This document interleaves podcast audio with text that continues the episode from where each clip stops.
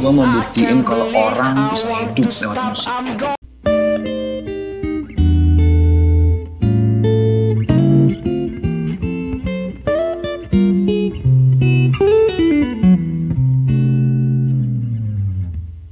Widih, kira-kira apa yang harus kita pilih ya?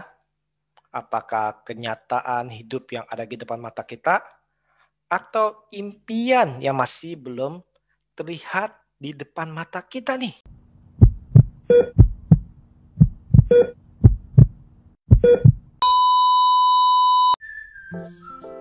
Hey hey hey, selamat bergabung kembali di channel BB69. Sobat BB69, setelah kita nonton NKCTHI, kemudian kita disuguhi oleh Story of Kale, sekarang di dalam universe yang sama, kita dapat menonton di layanan transaction video on demand bioskop online.com ini sebuah mini seri yang berjudul Awal dan Akhir yang merupakan uh, satu universe juga dengan kedua film yang di atas. Mini seri ini berkisah mengenai empat personel dari sebuah band yang bernama Ara Band, di mana mereka ini sedang dalam kondisi kurang lebih bingung apakah akan berusaha untuk mencapai mimpinya atau mereka menyerah dan menerima kenyataan bahwa mereka itu harus bergulut di dalam profesi lain nih. Nah, kira-kira nih apa aja nih yang akan mereka lakukan nih? Apakah mereka akan tetap melewati jalan yang berbatu-batu mencoba mencapai impian mereka atau mereka menyerah dan menjalani apa yang sudah ada di hadapan mereka yang nyata-nyata ada nih. Film yang disutradari oleh Sabrina Rochelle ini mempunyai premis yang menurut saya cukup relate terhadap anak-anak band atau personal-personal band nih. Karena di sini mengangkat ternyata di balik kesuksesan dari suatu band atau grup-grup musik yang kita kenal itu ternyata tidak seindah yang kita bayangkan nih orang lain lihat nih atau tidak seindah yang mereka impikan nih. Kenapa? Karena pasti ada permasalahan-permasalahan yang akan mereka lalui untuk menggapai mimpi tersebut. Di sini diwakili oleh keempat tokoh daripada personil band tersebut. Kita ambil contoh dalam karakter Samo. Di sini dia digambarkan dia harus mengalami dilema. Dilema untuk memilih, memilih akan apa yang harus diambil. Apakah dia harus tetap berjalan untuk menggapai impiannya yang masih belum tentu jelas nih sebagai musisi atau dia tetap menjalani karirnya sebagai karyawan yang memang sudah ada di depan mata dan sudah ada di tangan dia nih. Apalagi kalau dia mau menikah nih Hal ini juga tidak jarang ditemukan dalam profesi-profesi lain di mana kita berusaha menggapai mimpi, tapi di satu sisi ini untuk menggapai mimpi apakah kita rela membuang atau mengorbankan atau melepas apa yang sudah kita miliki sekarang nih. Nah, ini ini dari sosok Samo. Berikutnya dari sosok Freddy. Banyak yang berpikir bahwa menjadi anak band itu sebagai hobi aja, sebagai sampingan aja, bukan sebagai hal-hal utama. Di sosok Freddy, digambarkan bahwa menjadi musisi itu bagi dia adalah itulah mata pencaharian dia. Jadi dia tidak boleh bermain-main. Apa pun yang dijalani, ya itulah mata pencahariannya.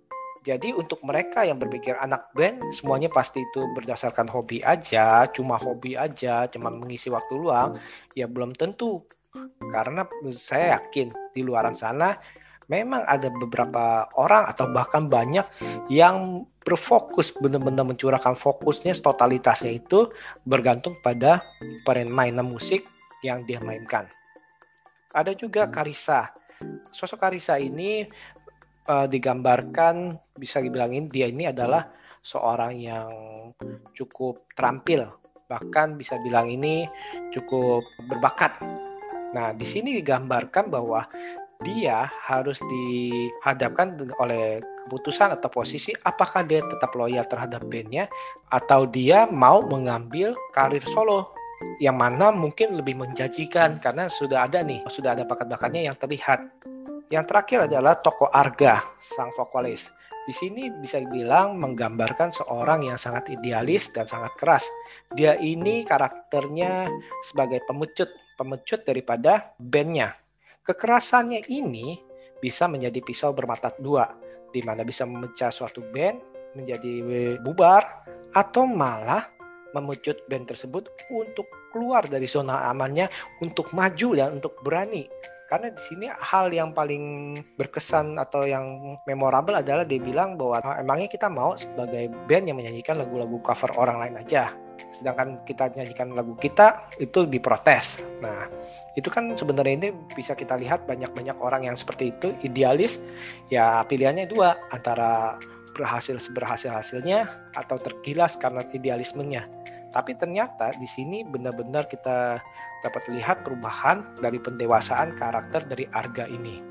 Naskah yang ditulis ini juga menurut saya ini tidak terlalu berlebihan, tidak seperti istilahnya soap opera, apa opera sabun atau sinetron-sinetron di mana permasalahan-permasalahan itu bisa diangkat yang dibombastiskan misalkan oh misalkan nih misalkan kalau di sinetron ya misalkan pas mau apa berselisih dengan pacar itu pasti terlalu dibombastisin. Atau pas dia harus memilih kamu pilih aku atau pilih pekerjaan atau pilih musik itu kan. Biasanya kan bisa tuh seperti itu tuh.